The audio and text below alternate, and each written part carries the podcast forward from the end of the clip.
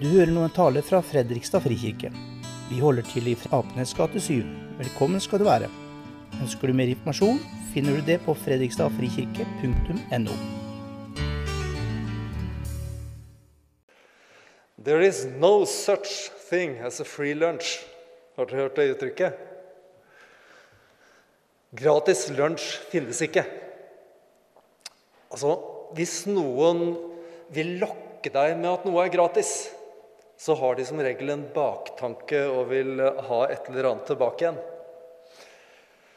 Det var en sak på Nettavisen nå rundt nyttår. Det var en mann som hadde vært på Elkjøp for å kjøpe seg en ny vaskemaskin. Og når han kom dit og fant vaskemaskinen han ville ha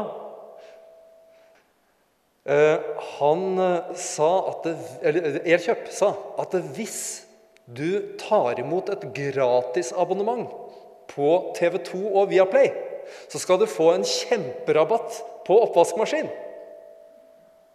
Da snakker vi ganske bra tilbud. altså. Ikke rart at mannen slo til. Først når han kom hjem, så oppdaga han at han hadde kjøpt et komplett abonnement på en TV-løsning som var veldig langt fra gratis, og som han ikke hadde behov for i det hele tatt. Yes, det var mannen på Elkjøp som fikk seg komplett TV-pakke som han ikke ville ha. Forbrukerrådet var selvfølgelig ikke glad for det her og sier at det her er ganske vanlig. At folk lokkes med at noe skal være gratis. Og så havner de opp med å betale ganske mye for noe som de ikke vil ha. Jeg lurer på hva ville Forbrukerrådet ha sagt hvis de hadde hørt dagens prekentekst? Vi skal i hvert fall gjøre det. Fra profeten Jesaja kapittel 55, vers 1-3.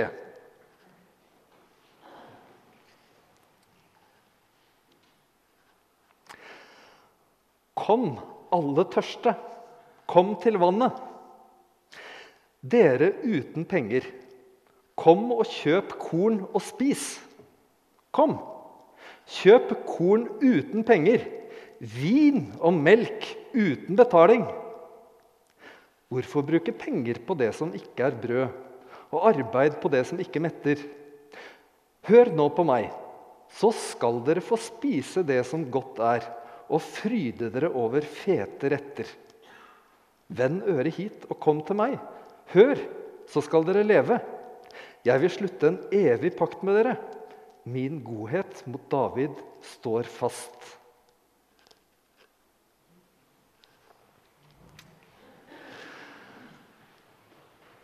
De hadde nok ikke noe forbrukerkontor i Babylonia i rundt år 550 før Kristus, når den teksten her ble skrevet.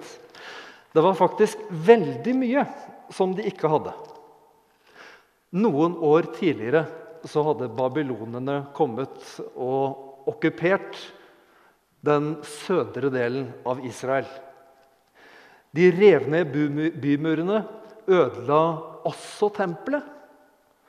Og veldig mange av lederne og store deler av folket ble bortført i eksil til Babylon. Og der er de når de får høre det Jesaja her skriver. Jeg tror det er litt viktig å tenke på at det her ikke er noe som ble skrevet til eh, mette, trygge, fornøyde mennesker. De lurte sannsynligvis på hvem er vi nå? Guds folk som er fordrevet fra Guds by. Hvor er Gud nå, når hele tempelet er ødelagt? Ja, hvem er egentlig Gud? Er det sånn at han ikke bryr seg, som lar alt det her skje? Eller kanskje enda verre, er det sånn at han egentlig ikke har noe makt? Sånn at det bare må skje? Det her er ikke skrevet til folk som mangler det lille ekstra i livet sitt. Det her er skrevet til folk som mangler nesten alt. Jeg tenker egentlig at hele Det gamle testamentet er en historie om tro og tvil. En Gud som stadig griper inn og hjelper dem. men som på en måte ser ut til å jobbe deltid. Altså, Så fort den ene krisen er avverga, så dukker opp en ny. Og den samme Gud som griper inn og hjelper den ene dagen, han virker passiv og litt fjern den neste. Var det her vendepunktet? Babylon, profeten Jesaja. Kom, alle tørste. Blei det noe særlig bedre etterpå? Ja, altså Det eksilet varte ikke så veldig lenge. Etter rundt 50 år så fikk de komme tilbake igjen. Men riket ble aldri stort og mektig igjen. Tempelet som de prøvde å bygge opp, det, det blei ikke like fint. I år 300 så kom Aleksander den store. I år 67 før Kristus så kom romerne. Hvor ble det av gratis vin og fete retter, som profeten Jesaja lover dem her?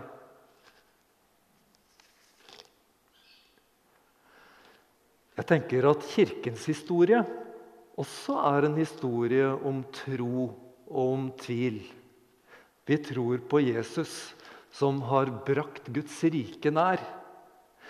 Vi tror at Jesus utgjør et vendepunkt, at han er forskjellen fordi han er veien, sannheten og livet. Vi leser om Jesus som gjorde vann til vin. Vi leser om Jesus som metta 5000 pluss pluss ute i ødemarken. Vi leser om helbredelser og under og mirakler. Altså det at Jesus har grepet inn, at folk har sagt 'Jeg fikk hjelp'. Jesus gjorde en forskjell i livet mitt. Det har fulgt Kirken hele veien i 2000 år.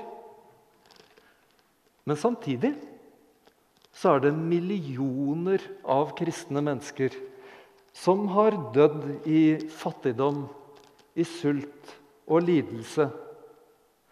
Som har satset livet sitt på Jesus, som har trodd og bedt. Og Jeg tror de kunne klart seg uten gratis vin og fete retter. Men kunne ikke Jesus ha hjulpet dem med i hvert fall det aller, aller mest prekære?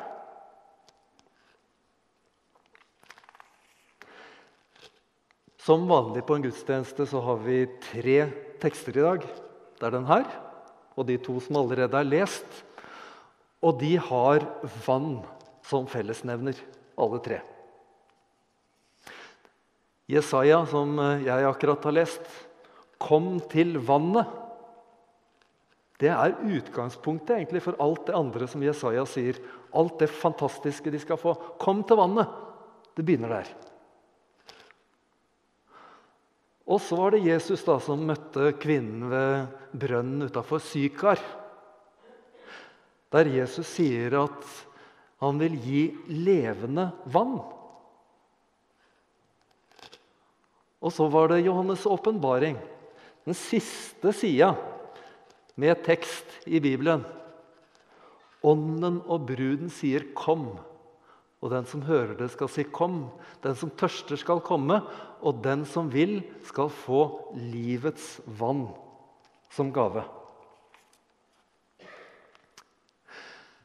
Når Jesus bruker det der uttrykket det er 'levende vann', så er det egentlig ikke noe helt nytt. Det er ikke noe han eh, kom på der og da. Akkurat det uttrykket er faktisk brukt flere ganger i, ganger i Gamletestamentet. Bl.a. hos profeten Jeremia, som skrev omtrent samtidig som den teksten vi har fra profeten Jesaja. Han sier, og egentlig er det jo Gud som taler her To onde ting har folket mitt gjort. De har forlatt meg, kilden med levende vann, og hugget seg brønner, sprukne brønner som ikke holder vann. Ser dere at folket her får egentlig en slags sånn dobbel? Det ene det er at de har forlatt Gud. Og det er Gud som er kilden med levende vann. Og det andre det er at de prøver å finne en løsning som kan erstatte Gud. De prøver å grave ut egne brønner. De prøver å fylle livet med egen mening, egen trygghet. Men det er sprukne brønner. De holder ikke vann.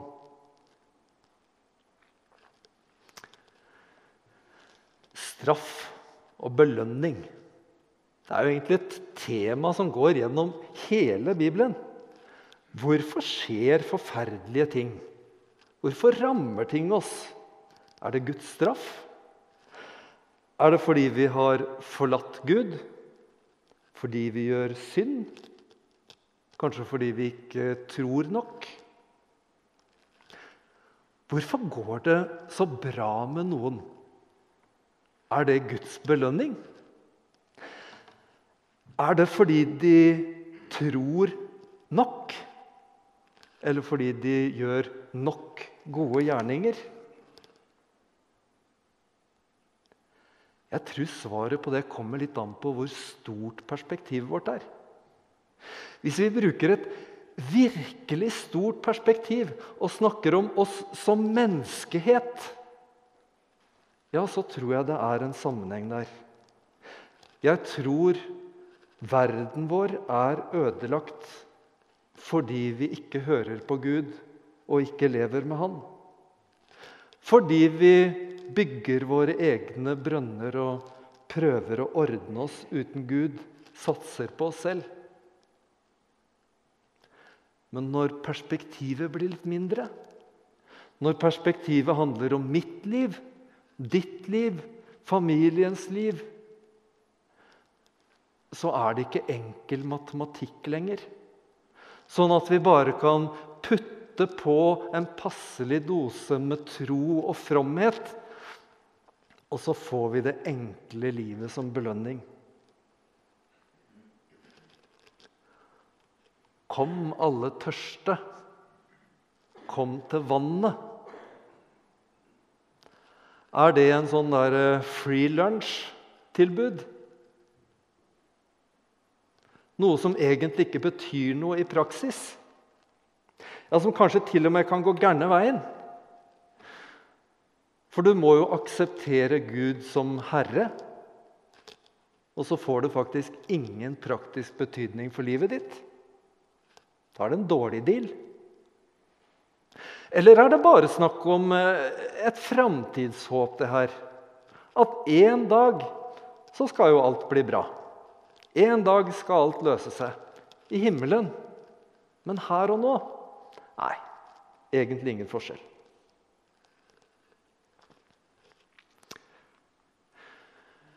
Jeg tok uh, utdannelse som barnehagelærer en gang i tida, sånn rundt yngre steinalder. Da brukte vi ganske mye tid på psykologen Abraham Maslow. Sikkert en del som har vært borti han. Han laget noe som vi kaller en behovspyramide. Og tanken er egentlig veldig flott. Hva er menneskets aller mest grunnleggende behov? Og Han sier det sånn at det finnes noen grunnleggende behov, og de må på en måte bygges nedenfra. Altså Først så har vi det helt fysiologiske med at vi trenger vann, vi trenger mat. Og først når vi får det, så kan vi på en måte fylle på oppover. Da handler det om trygghet. Og så handler det etter hvert om sosiale behov. Og, og, når du på en måte får fylt opp alt nedenfra, så kan du være klar til å realisere deg selv, utvikle deg selv. Og her kan også åndelige behov komme inn.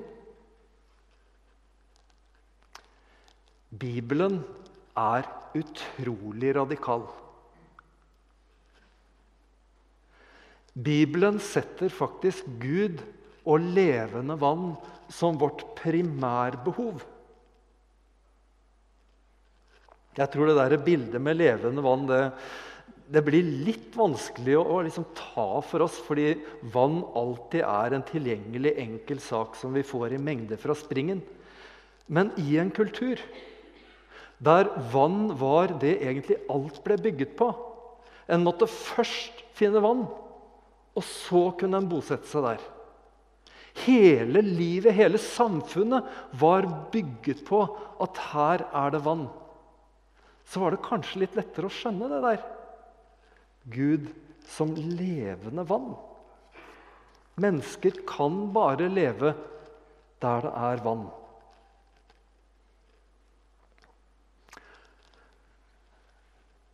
Vi må være ærlige. Det var mange som var skuffet over Jesus.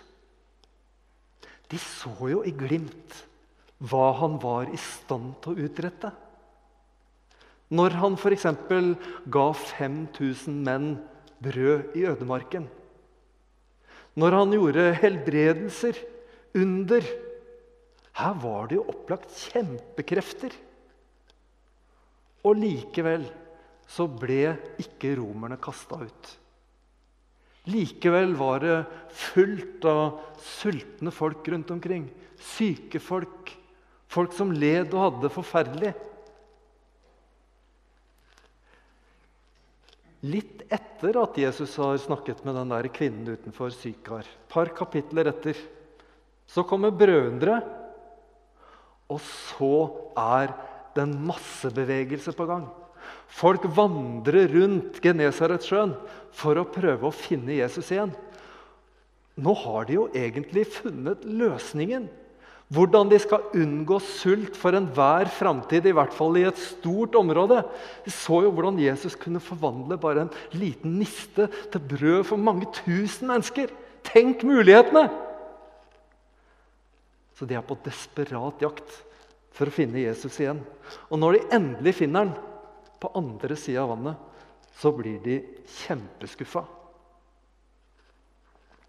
Jesus svarte, 'Sannelig, sannelig, jeg sier dere:" Dere leter ikke etter meg fordi dere har sett tegn, men fordi dere spiste av brødene og ble mette. Arbeid ikke for den mat som forgår, men for den mat som består og i evig liv, den som menneskesønnen vil gi dere. For på ham har Far, Gud selv, satt sitt seil. Jeg er livets brød. Den som kommer til meg, skal ikke hungre. Og den som tror på meg, skal aldri tørste.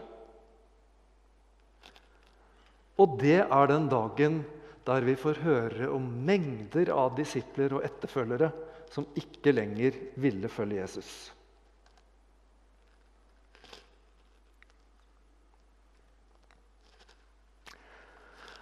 Hva er det egentlig Jesaja sier her i det som er prekenteksten? Hvorfor bruke penger på det som ikke er brød, og arbeid på det som ikke metter? Er det en slags uh, kostholdsråd? Praktiske tips om uh, mat og hvordan du skal ordne livet ditt? Jeg tror ikke det er det det handler om. Jeg tror han med litt andre ord egentlig sier det samme som Jesaja, nei, Jeremia sa. Kom til Herren, det levende vannet. Ikke prøv å erstatte Gud med noe annet. Ikke prøv å grave egne brønner der du fyller opp med det som du tror kan være det gode og trygge livet. Du trenger Gud mer enn du trenger noe annet.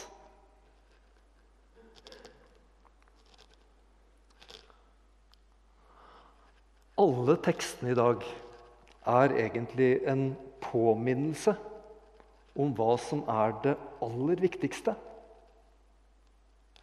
Det bør få konsekvenser for livet vårt. Hvordan vi bruker tiden vår, pengene våre, evnene våre hva vi prioriterer å gi, å gi til barn og barnebarn. Men først og fremst så er det en invitasjon. Kom! Veien er åpen. Dette er tilgjengelig. Ikke bare for den som har den sterkeste troen og det frommeste livet. Ikke bare for de som er spesielt åndelige typer, hva nå det måtte være. Det her er ikke enda et nyttårsforsett. Enda en ting som du skal kave og streve med å komme til kort i. Det holder at du er tørst. Det holder at du er tørst. At du vil ta imot. Det er en gave. En gave som du, Gud vil gi til deg, og som du kan ta imot om det er første gang eller tusende gang.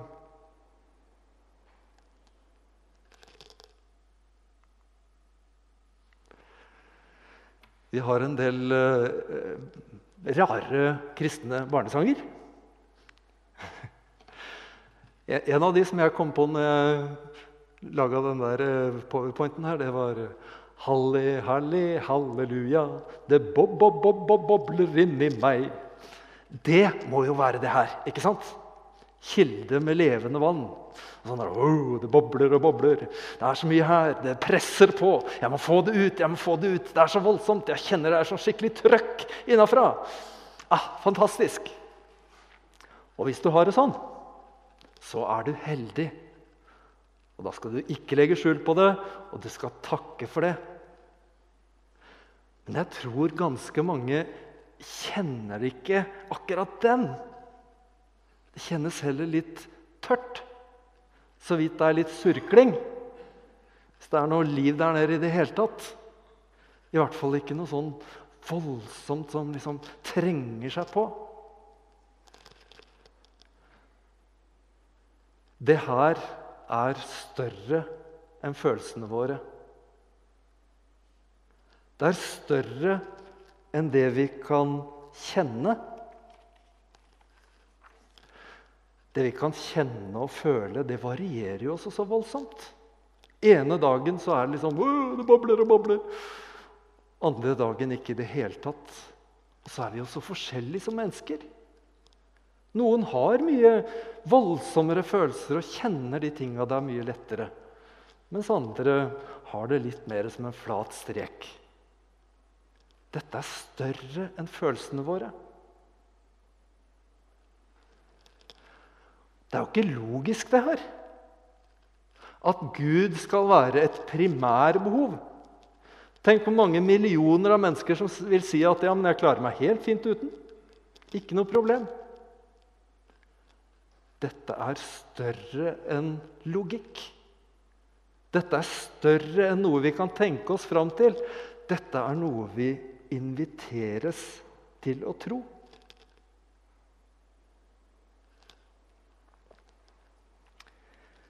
Når vi samles her på en glatt søndag der vi egentlig blir anbefalt å holde oss inne, eller en hvilken som helst annen søndag eller dag, i Jesu navn, og synger og ber og lytter sammen, så er det kilder med levende vann som pipler fram.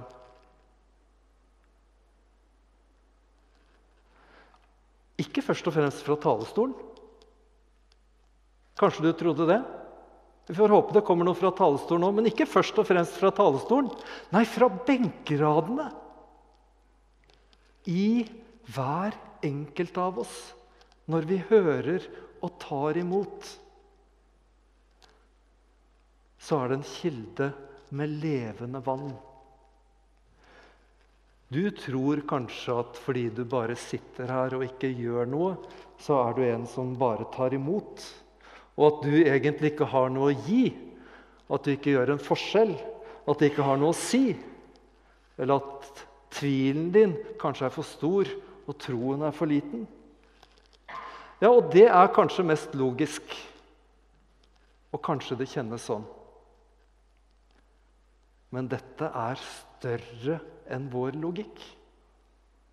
Dette er større enn det vi kan kjenne og føle. Dette er levende vann.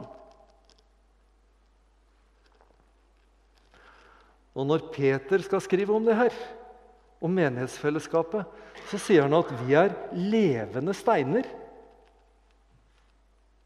som Gud bygger med. Og når Gud bygger, og Gud lar levende vann få piple fram, da skjer det ting som ikke vi kan forstå, og som ikke vi kan kjenne, men som vi inviteres til å tro